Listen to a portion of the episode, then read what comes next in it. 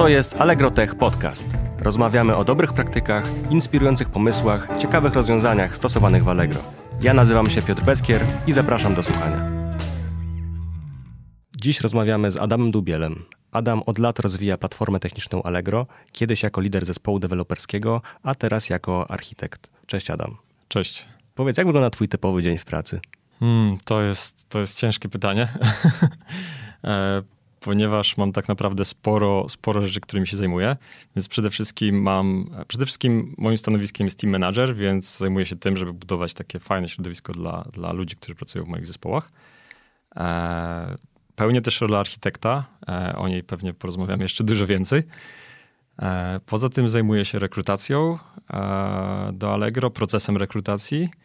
E, no i też bardzo mocno udzielam się w inicjatywie, którą, która gdyby pokrywa bardzo dużo działań i tą inicjatywą jest Allegro Tech, czyli jak gdyby nasza obecność, obecność w wielu miejscach, na konferencjach, no tak naprawdę wszędzie. Między innymi ten podcast jest też właśnie, właśnie taką inicjatywą Allegro Techa.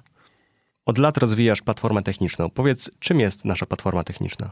Platforma techniczna to jest taki zespół, e, prawie już 180 osób, która jest odpowiedzialna za to, żeby Allegro działało. Czyli jak nie ma platformy technicznej, nie ma Allegro. To jest wszystko to, czego klient nie widzi, ale też to, co napędza, daje skalę e, działania dla całego Allegro. Powiedz, e, jak w ogóle zająłeś się tym tematem? Piotr Korłowski, z którym prowadziłeś poprzedni podcast, jest tutaj bardzo ważną postacią w tej historii. E, pamiętam e, jak, jak dzisiaj, to było takie dosyć ważne wydarzenie dla mnie. W biurze w Zebrze e, przy rondzie jazdy polskiej w Warszawie mm, były dwa szyby windowe. Jeden taki używany i drugi nieużywany.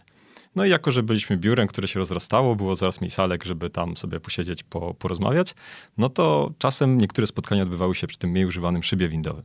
No i pewnego dnia w maju 2014 roku Piotrek mnie tam wyciągnął, mówi Adam, choć chwilę pogadamy. E, no i pogadaliśmy. Dla kontekstu powiem, że dosłownie miesiąc wcześniej miałem pierwszą w moim życiu ocenę pracowniczą e, z moim przełożonym. No i on się mnie pytał, Adam, co ty byś chciał w życiu robić? No ja powiedziałem, wszystko byle nie być liderem zespołu.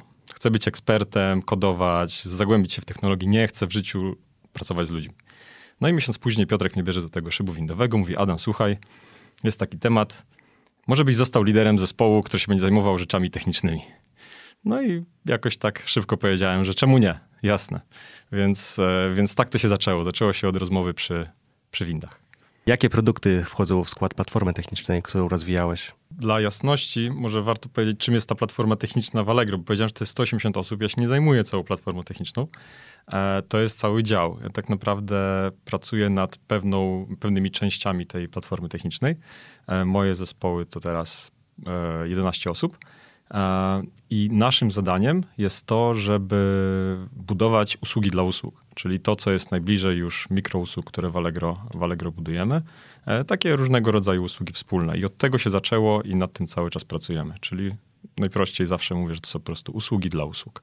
Szyna danych, a biblioteki wspólne, e, serwis Discovery, tego typu e, wspólne rzeczy. Natomiast w całej platformie technicznej mamy dużo więcej odpowiedzialności, czyli są zespoły, które odpowiadają w ogóle za to, żeby bazy danych e, działały, za backupy baz danych, są zespoły, które mm, obsługują sieć w naszych data center, w ogóle całe utrzymanie naszych dwóch data center. Mamy dwa data center w Krakowie i w Poznaniu. Zespoły E, te same zespoły są odpowiedzialne także za to, co robimy w cloudach publicznych. No więc jak gdyby monitoring, mamy bardzo dużo odpowiedzialności w ramach tego zespołu i dlatego też on jest tak liczny. Jako osoba, która pracuje na co dzień e, z tymi produktami, tak jak mówiłeś, e, narzędzia wewnętrzne dla, dla deweloperów, szyna danych, mogę powiedzieć, że platforma techniczna u nas działa naprawdę, naprawdę świetnie z punktu widzenia dewelopera. Powiedz, jaka filozofia za tym, za tym stała? Na samym początku, w tym momencie, kiedy Piotrek przyszedł do mnie do windy, ja miałem w głowie tylko jedną myśl, że ja chcę robić biblioteki wspólne. I, tym, i to był pierwszy produkt, który tak naprawdę stworzyliśmy. Um, I te biblioteki wspólne nazywają się Andamio. To jest po prostu Spring Boot Starter opakowany w pewne allegrowe dodatki. I filozofia wtedy już za tym stała taka, że to mają być rzeczy niepowiązane ściśle ze Spring Bootem, to ma być po prostu zestaw małych bibliotek, które później za pomocą pewnego kleju kleimy w coś, co jest łatwe, proste i przyjemne w użytkowaniu. I wydaje mi się, że e, ta filozofia działa też w całej większej platformie technicznej, czyli e, mamy bazy danych, mamy load balancery, mamy przechowywanie haseł. Te wszystkie rzeczy spełniają jedną określoną funkcję, natomiast łączą się później w takim jednym miejscu w UI dla dewelopera, czymś co nazywamy App Console. Tak? Czyli platforma techniczna tak naprawdę buduje produkt o nazwie App Engine, no i e, to jest jak gdyby to, co jest frontem do, do naszego klienta. E, budujemy to troszeczkę na, mm, na podobieństwo cloudów publicznych, e, natomiast no, wystartowaliśmy w 2014 roku, 2015 roku, więc wtedy też te cloudy publiczne nie były tak rozwinięte jak teraz, więc możemy powiedzieć, że rozwijamy się dosyć, e, dosyć równolegle z tym naszym produktem. O cloudzie publicznym porozmawiamy jeszcze później, a teraz powiedz, czym zajmujesz się jako architekt w Allegro? Hmm, no to jest... E, to jest ciężka sprawa, ponieważ w Allegro architekci działają trochę inaczej niż pewnie sobie to wyobrażają ludzie pracujący w innych firmach może dużo powie to, że na cały zespół architektów, który czuwa nad całym Allegro, składa, składają się cztery osoby. E, więc to już jak gdyby wskazuje, że raczej nie zajmujemy się tym, jak konkretne dwie mikrousługi ze sobą rozmawiają, jakiej bazy danych używają e, i co się z nimi dzieje. E, naszym zadaniem jest e, zajmowanie się takimi rzeczami bardziej strategicznymi, czyli określanie, w jaki sposób całość architektury Allegro powinna się rozwijać. E, czy to jest cloud, czy to nie jest cloud, w którym momencie to powinien być cloud, w jaki sposób usługi na wysokim poziomie ze sobą rozmawiają, czyli budowanie pewnego rodzaju narzędzi i mechanizmów, które pozwalają nam troszeczkę ucywilizować ten świat. Natomiast ja głęboko wierzę w to, że Mm, odpowiedzialność za, za, za architekturę takiego najbliższego otoczenia, czyli nie wiem, kilku mikrousług, w Allegro mamy ich tysiąc, więc, y, więc tak naprawdę tych setek mikrousług, leży na, na ludziach, którzy z nimi pracują, czyli na ludziach, którzy są w stanie odczuć na własnej skórze to, jak te, jak te mikrousługi sobie połączyli, tak? Czyli e, domykamy tutaj taką pętlę, e, pętlę zwrotną, taki feedback, czyli zespół jest odpowiedzialny za to, żeby ma moc, ale ma też odpowiedzialność za to, żeby mm, stworzyć architekturę mikrousług do danego rozwiązania, czyli na przykład tworzymy jakiś nowy produkt, no i wtedy zespół siada, podchodzi do tablicy, lider zespołu razem ze swoim zespołem, czy dwa zespoły, jeżeli jest taka potrzeba, czy trzy, wspólnie układają architekturę. I tutaj architekt nie ma nic do powiedzenia. Dlaczego? No bo on nie będzie tak naprawdę pracował z tym na co dzień. Natomiast te zespoły będą. Te zespoły są odpowiedzialne za ten kod od pierwszej linijki, która powstanie, aż do wdrożenia na produkcję i później, to co jest bardzo ważne, jej ciągłego utrzymania. Czyli w Allegro mamy taki, taki model, um, on się nazywał kiedyś po amazonowemu e, You Build It, You Run It, e, czyli zespół jest odpowiedzialny i za zbudowanie, i za ciągłe utrzymanie e, tej usługi. No i właśnie, jeżeli zespół jest za to odpowiedzialny, to on musi mieć wszystkie narzędzia, żeby tę odpowiedzialność jak gdyby, żeby czuć. Na jednym z tych narzędzi jest to, że jest odpowiedzialny za tę architekturę. A kto dobiera technologię do każdej z usług? No, skoro zespół jest odpowiedzialny za, za architekturę, to jest też także odpowiedzialny za technologię, czyli znowu e, mamy w swoim portfolio jako platforma techniczna pewne produkty, z których można skorzystać, tak? To jest większość baz danych, o jakich pewnie, pewnie e, ktokolwiek słyszał. To są różnego rodzaju znowu szyny danych, bo jest, jest i Hermes, e, czyli nasza nakładka na kawkę, ale też jest, jest też goła kawka, jeżeli jest, jeżeli jest taka potrzeba. E, no i to zespół e, decyduje o tym, które z tych technologii są, są dla nich odpowiednie. Natomiast podejrzewam, że pytasz bardziej o języki programowania. No, między innymi tak. Gdyby ktoś przyszedł i stwierdził, że chce zrobić usługę w no, jakiejś bardzo dziwnej technologii do, definicji bardzo dziwnej. E, wiem, że jeszcze niedawno się wydawało, że w Allegro nigdy na przykład nie będzie C-Sharpa. E, no a jak może widzieliście, pojawiły się ogłoszenia o pracę na e, software inżyniera ze specjalizacją w C-Sharpie, więc nawet takie rzeczy się dzieją. Natomiast 90% naszych usług jest napisanych w różnego rodzaju językach JVM-owych. E, czy to Java, czy to Kotlin, e, gdzieś tam jeszcze pewnie też jest Scala. E, I z jednej strony chcemy dać wolność rozwoju dla, dla programistów, e, żeby rzeczywiście wykorzystywać najlepsze narzędzia do danej pracy, e, no ale z drugiej strony no, ten cytat ze Spidermana tutaj ciągle się pojawiał, czyli z wielką mocą idzie wielka odpowiedzialność. Czyli jeżeli ktoś stwierdza, że wchodzi w nową technologię, jakiś zespół czy jakiś dział chce korzystać z nowej technologii, to dobrze, żeby był świadom tego, że dookoła tej technologii zbudowany jest pewien stack narzędziowy. Dookoła JVM mamy ten stack wygrzany przez kilka lat, natomiast z nowej technologii pewnie trzeba będzie się o to zatroszczyć.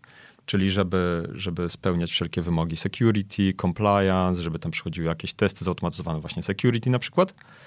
E, I to jest jedno. A dwa, no to też, żeby to nie było tak, że jedna osoba w firmie zna to technologię, napisała system i co? No ciężko będzie to utrzymać, więc też chodzi o takie długoterminowy commitment na, na budowanie pewnych kompetencji.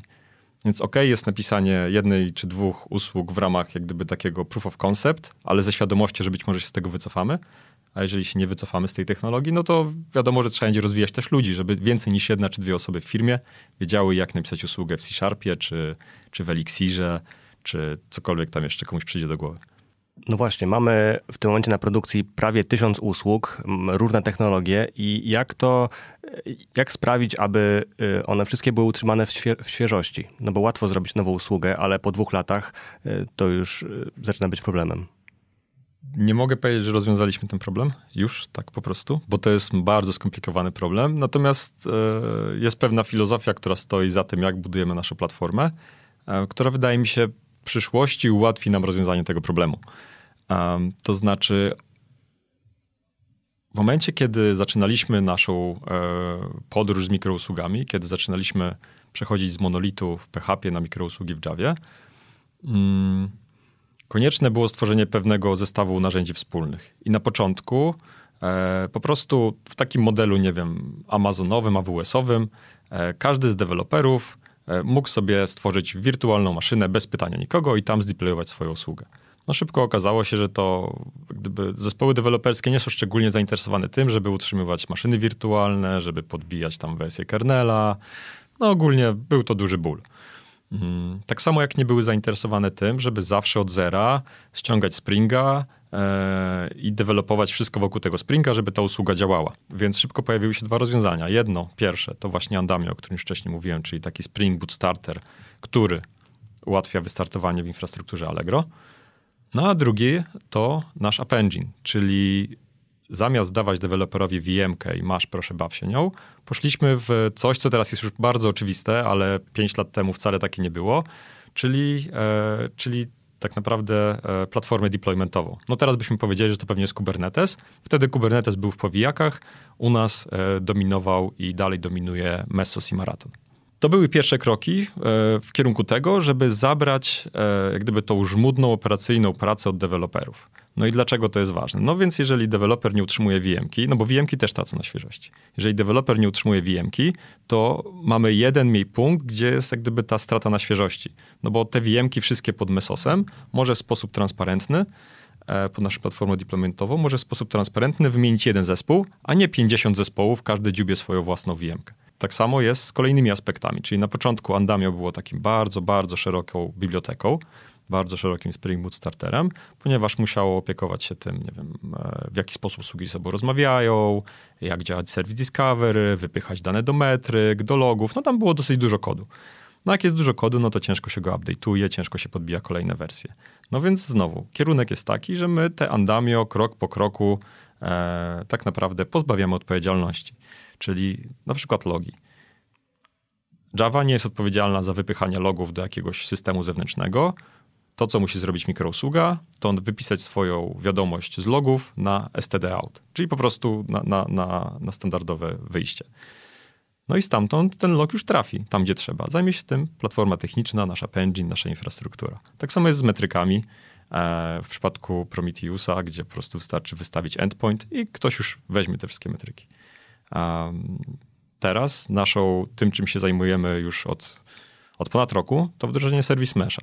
Czyli tak naprawdę zabranie aplikacji odpowiedzialności za routing i, i load balancing na poziomie ruchu. Czyli aplikacja przestaje wiedzieć, w ogóle być świadoma tego, że istnieje coś takiego jak Service Discovery, w naszym przypadku to jest konsul.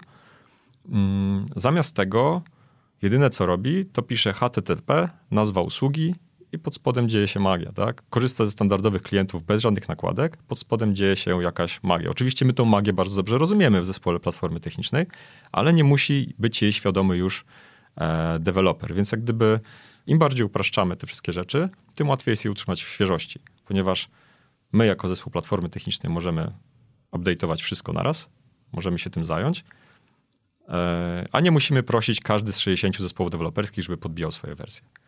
No i wydaje mi się, że takim ostatnim bastionem jest właśnie samo Andamio, e, które w tym momencie, no ze świeżością jego na produkcji e, jest całkiem nieźle, ale bywa różnie.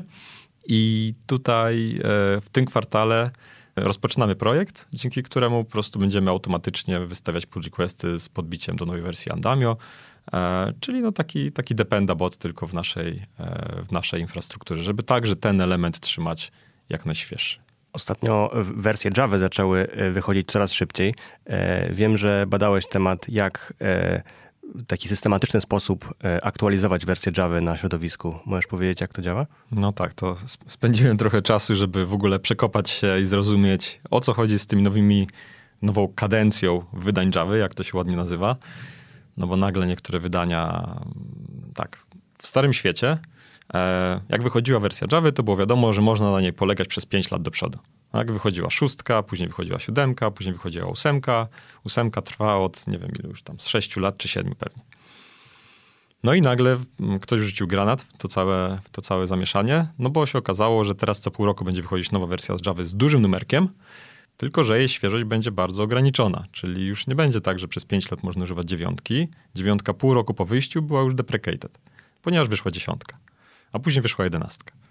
E, no i trzeba było my jako środowisko, czy jako społeczność e, wokół JVM, musieliśmy się nauczyć korzystać z tego, z tego nowego dobrodziejstwa, no bo z jednej strony mamy sytuację, w której mm, no, Java w wersji 8 trwała tak długo i to było fajne ze względu na stabilność, ale nie wychodziły nowe feature'y. Tak? Ludzie czekali nowe feature'y i raz na 5 lat się pojawił taki wielki dump feature'ów i wszyscy się na nie rzucali. E, no więc idea była taka, żeby jednak częściej wypuszczać te feature, żeby ludzie mogli szybciej je adoptować. I żeby te update'y między drzewami były mniej bolesne. No ale my musieliśmy się nauczyć z tego korzystać, zrozumieć jak to działa. No tutaj moim zdaniem Oracle nie pomógł ze swoją bardzo niejasną komunikacją dotyczącą licencji, dotyczącą e, utrzymania tych wersji, no ale to gdzieś tam ten kurz opadł. I teraz to, co wyszło z mojej analizy e, i to, co stosujemy w Allegro. Więc są pewne wersje Java, tak jak Java 8, Java 11, kolejna będzie chyba Java 17, mm, które są przez community, czyli przez społeczność, oznaczone jako, czyli nieoficjalnie, jako long-term support. Czyli to są wersje Java, które mimo tego, że wyszły już kolejne, będą wspierane w długim okresie. No i na przykład takie firmy jak e, Red Hat zakomitowały się, że będą e, wypuszczać patche po prostu do tych wersji, tak? czyli będą je utrzymywać. No i my w Allegro chcemy te wersje Long Term Support, LTS, wspierać na naszych środowiskach. Czyli mamy Java 8 teraz na środowisku produkcyjnym i Java 11. I to są wersje, które mówimy, jeżeli nie masz czasu, żeby się podbijać z Java, to korzystaj z nich. Natomiast mamy też, no jesteśmy taką firmą, która lubi być do przodu z technologią.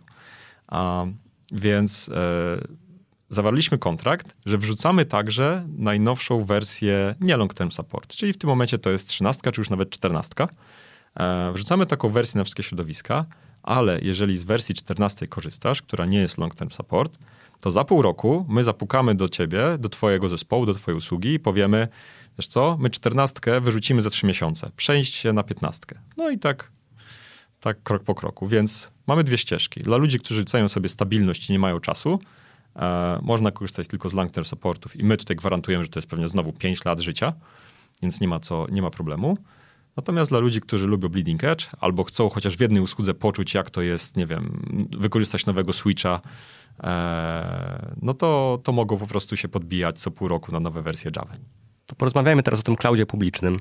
E, Allegro jakiś czas temu podjęło decyzję, aby e, wyjść trochę ze swoich serwerowni i wejść w cloud publiczny. Możesz powiedzieć trochę więcej, z czym zmaga się taka firma jak Allegro, kiedy decyduje się na taki ruch? Przede wszystkim dosyć dużo czasu zajęło nam wypracowanie strategii, no bo to nie jest tak, że nagle ktoś tam stwierdził, hura, idziemy do clouda i, i, i ciśniemy tego clouda, tylko to było tak naprawdę dosyć długi proces e, badania e, tego, co nam się de facto opłaca, a co nie. Opłaca pod różnymi e, względami, czy to kosztowym, czy to właśnie takim bardziej, nie wiem, stabilnościowym, strategicznym, e, czy nawet jeżeli chodzi o opóźnienia w ruchu sieciowym. E, więc przeprowadzaliśmy takie analizy, no i wypracowaliśmy sobie strategię. Ta strategia brzmi tak, że korzystamy z chmury publicznej tam, gdzie właśnie jest to opłacalne. Ja wiem, że to bardzo e, brzmi jak bardzo prosty wniosek, ale, ale nie było tak prosto do niego dojść, bo tych pokus, żeby, nie wiem, na przykład skoczyć na główkę do clouda, e, do chmury publicznej jest bardzo dużo. Więc nasza strategia, której się trzymamy już od dwóch lat, jest taka, że korzystamy z chmury publicznej tam, gdzie nam się to opłaca. No i gdzie to nam się na przykład opłaca? Więc e, przykładowo e, zespoły odpowiedzialne za, za big data e, wykazały i wykazały nie przez machanie rękami czy wiedzę ekspercką, ale wykazały na twardych liczbach, że opłaca nam się przejść z naszym stakiem, e, z częścią naszego staku e, big, big data e, do chmury publicznej, do Google Clouda. No i tam jak gdyby przetwarzamy bardzo dużą część już naszych danych, przetwarzamy, storujemy dużą część naszych danych. Tak samo jest z machine learningiem. No tutaj doszliśmy do wniosku, że może niekoniecznie mamy czas, zasoby i pieniądze na to, żeby budować coś, co już można kupić na rynku, e, czy to właśnie na przykład w Google.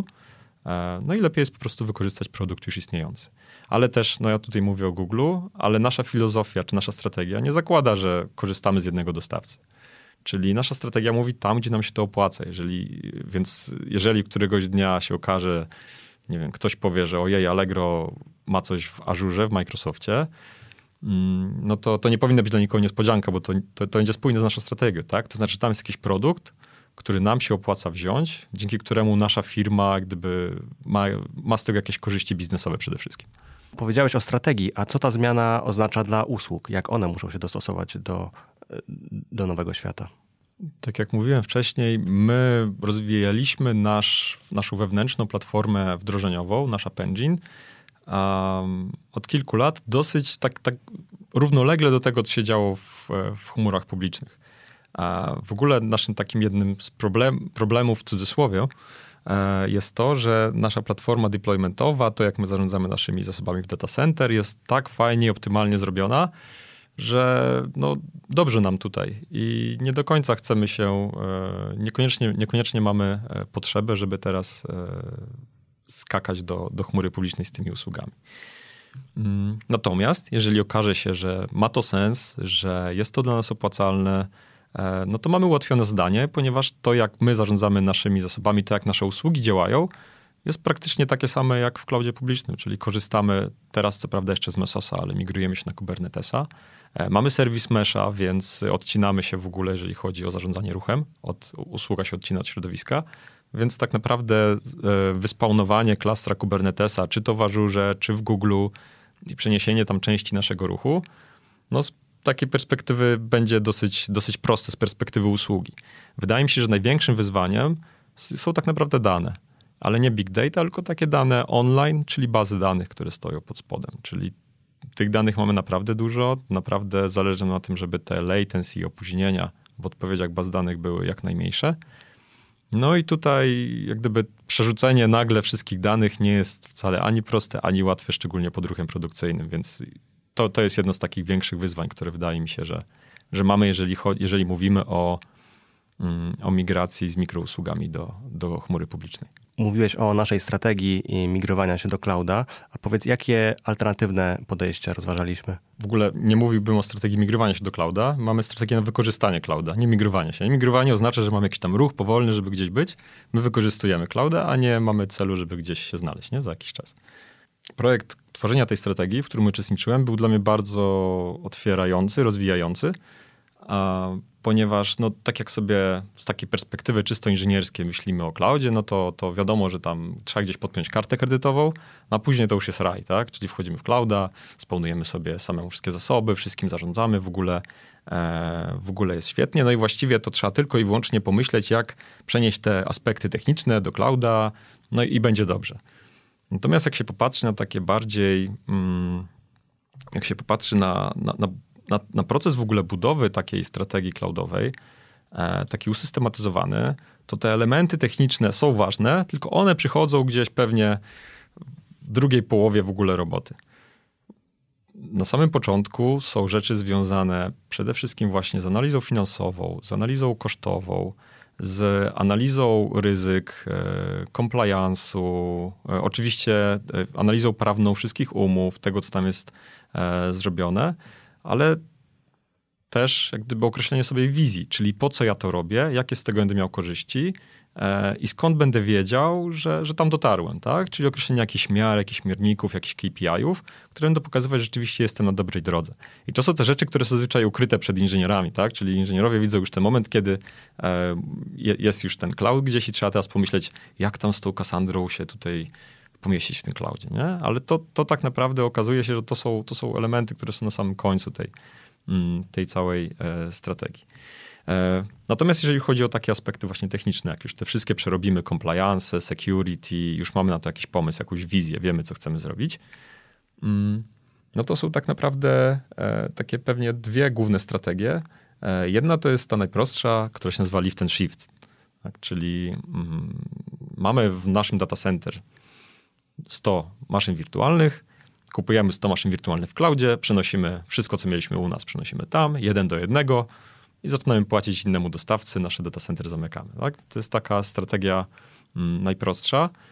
E, natomiast no ona, ona jest dobra, żeby zacząć, być może, wiąże się pewnie z wysokimi kosztami, e, ale to trzeba policzyć. Natomiast no, ma to wadę, że tak naprawdę to jest tylko pierwszy krok. Znaczy, e, płacenie za maszyny wirtualne i budowanie wszystkiego na maszynach wirtualnych w cloudzie nie ma trochę sensu, no bo cloud, e, chmura publiczna jest po to, żeby korzystać z jej usług wyższego rzędu tak zwanych. Czyli to, nad czym inżynierowie Google'a, Amazona czy Microsoftu siedzą i co oni tam dewelopują, tak? Czyli oni nam nie, nie chcą da, nam dać tylko i wyłącznie maszyny wirtualnej, która działa, tylko chcą nam dać e, e, one-click deployment e, na maszynach, których nie musimy w ogóle wiedzieć, że kiedykolwiek istnieją albo będą istniały. Chcą nam dać szynę danych, gdzie po prostu dane pływają sobie między data center i nie musimy o tym wszystkim wiedzieć. Więc, więc tak naprawdę taki lift and shift to jest taki krok w ogóle zerowy. E, no a później pewnie jest, później zaczyna się cała praca z dostosowywaniem usług własnych do tego, żeby korzystać z tych dobrodziejstw clouda, tak naprawdę za które chcemy płacić. E, to jest jedna strategia. Druga to jest taka strategia bardziej krocząca, czyli jeżeli mamy firmę, w której która nie jest taką monolityczną platformą, czyli jak gdyby nie buduje jednego produktu, ale ma tych produktów więcej, no to pewnie, kiedy pojawia się nowy produkt, nowy projekt, to można na przykład go zrobić w cloudzie, na próbę. Tak? Czyli mamy tą naszą taką, to się w tych różnych modelach ekonomicznych ładnie nazywa dojną krowę, czyli naszą platformę, która zapewnia nam byt, stabilność, pieniądze. E, no i robimy jakiś taki startupik, w cudzysłowie, wewnętrzny, no i on sobie startuje w cloudzie. E, no i patrzymy, jak tam nam jest w tym cloudzie, tak? No i kolejne projekty, jeżeli jest dobrze, no to startują w tym cloudzie, a w którymś momencie może i ta dojna krowa się do, do tego clouda przeniesie. Ale to jest taka strategia bardziej krokowa. U nas w Allegro no, zadziałała ta strategia właśnie tej, tej szukania korzyści, a ona sama sobie implikuje to, że to będzie, że, że, to jest na razie strategia krokowa, czyli na razie na przykład big data, machine learning, tak? Więc to są te projekty, nazwałbym je projektami, które jesteśmy w stanie fajnie e, przenieść, e, przenieść do clouda i wykorzystywać gdyby maksymalnie potencjał przy jednocześnie minimalizowaniu kosztów po naszej stronie. Poza rolą architekta reprezentujesz też Allegro na różnych konferencjach i nie tylko. Możesz o tym więcej powiedzieć? Mm, no tak, zdarza mi się czasem być prelegentem na, na wydarzeniach wewnętrznych yy, i przede wszystkim chyba na wydarzeniach zewnętrznych, konferencjach IT w stylu E, Devox, Geekon, Konfitura, JavaZone. No, lubię czasem się po, po, podzielić swoją wiedzą. Jak przygotowujesz się do tych prezentacji? Wiem, że te prezentacje poruszają takie tematy dosyć trudne. One, one są skomplikowane, czyli mówimy właśnie o wielowątkowości, o takich bebechach ogólnie. Ja lubię takie rzeczy, które są blisko metalu, które są takimi właśnie e, internalami. E, ale wbrew pozorom przygotowanie się do nich jest dla mnie bardzo komfortowe i proste. Dlaczego? No bo jeżeli mówię o wątkach albo jeżeli mówię o kliencie HTTP, to biorę dokumentację, biorę kod, czytam sobie, co tam w JVM jest popisane w jego źródłach, piszę swój kod, piszę swoje testy, no i mam taką, takie, takie poczucie komfortu, że jeżeli ktoś mi powie, to nie tak działa, to ja mogę pokazać, OK, to ja mam tutaj taki dowód w postaci kodu, moim zdaniem to działa tak, podyskutujmy na takie argumenty. Tak? I ktoś mi na przykład może wytknąć błąd w tym kodzie i wtedy super, wszyscy się czegoś nauczyliśmy. Więc e, jak gdyby wychodzę z taką świadomością, że to nie są tylko moje opinie, ale to jest po prostu kawałek kodu, który za mną stoi, który działa i ja dzięki temu jak gdyby się czuję e, swobodniej mówiąc o tych bardzo w końcu trudnych i skomplikowanych tematach. A druga, e, druga sprawa jest taka, że gdyby ja pamiętam swoje czasy, jak uczyłem się programowania, jak wchodziłem w jakąś dokumentację, to wszystko było dla mnie taka czarna magia. W ogóle rzeczy, które ludzie brali jako, jako bardzo proste albo takie, no przecież każdy programista to wie, no to, to kiedy się uczysz czegoś, to nie są nigdy proste, tak? Ludzie mają różne domysły w głowie. Kiedy piszą dokumentację, bo oni już znają to na wylot, więc dla nich użycie skrótu myślowego jest dopuszczalne, a dla użytkownika początkującego jest niedopuszczalne. Więc ja się staram tłumaczyć te rzeczy właśnie w taki sposób bardzo, bardzo krok po kroku, żeby unikać skrótów myślowych, żeby jak gdyby do każdego przypadku mieć napisany kawałek kodu. No i dzięki temu sam, tam się też dużo uczę, no bo nagle się okazuje, że coś, coś, co myślałem, że tak działa, no bo tam gdzie jakiś skrót myślowy się wytworzył, piszę kod i okazuje się, że nie działa. No to wtedy jest deep dive, e, siedzę, patrzę w kodzie, jak to wszystko działa, no i nagle znowu uczę się jakiejś nowej rzeczy, które mogę przekazać mojej publiczności, więc jak gdyby z tego wynika, że nieważne ile masz lat doświadczenia, jak wejdziesz w jakąś materię, w dół, to nagle się okazuje, że pewne rzeczy przeskoczyłeś, pewne po prostu wziąłeś za oczywistość i tak naprawdę wcale możesz nie rozumieć, jak one działają.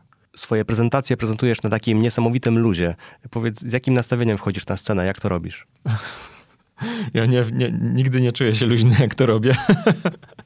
E, tak naprawdę cały czas dostaję, dostaję feedback, że za mało się uśmiecha na tych prezentacjach. E, że jestem taki chyba trochę groźny na nich, ale ja po prostu się tak skupiam. Dla mnie najważniejsze jest zawsze ułożenie sobie wstępu. Czyli jak mam wstęp, dosłownie to są pierwsze 3-4 zdania, kiedy mówię, po co jest ta prezentacja, e, dlaczego z nią tutaj przyszedłem. I to jest coś, co zazwyczaj mam już w głowie, co mam wykute na pamięć po prostu. Bo to jest ten moment, taka rozbiegówka dla mnie. Jak ja złapię ten flow, że już idę z tą prezentacją, że już powiedziałem ten wstęp, to później już przestaję myśleć o tym, co mam powiedzieć, po prostu wchodzę we flow i już tam sobie chodzę po scenie, macham rękami. Eee, no i jak gdyby może, może stąd wynika to wrażenie luzu, że już wtedy mówię nie z pamięci, ale mówię jakoś takie rzeczy z głowy, ewentualnie posługuję się, posiłkuję się, e, się slajdami. Ale to jeżeli jest coś, co mi w tym pomaga, to jest właśnie nauczenie się tych pierwszych trzech, czterech zdań, dzięki których po prostu łapię kontakt z publicznością, łapię flow, przestaję się stresować i, i, i mogę po prostu jechać dalej. Powiedz, jak można się z tobą skontaktować? Najłatwiej to pewnie przez Twittera. E, to znaczy, to jest jedna z takich niewielu platform, z której naprawdę często korzystam. E, no i link będzie pewnie w opisie do, do nagrania, ale tak, na Twitterze mam otwarte te prywatne wiadomości, więc jak ktoś by chciał ze mną zagadać, to nie ma problemu. Naszym gościem był Adam Dubiel, który rozwija w Allegro platformę techniczną. Dzięki za rozmowę, Adam. Dzięki. To był Allegro Tech Podcast. Do usłyszenia.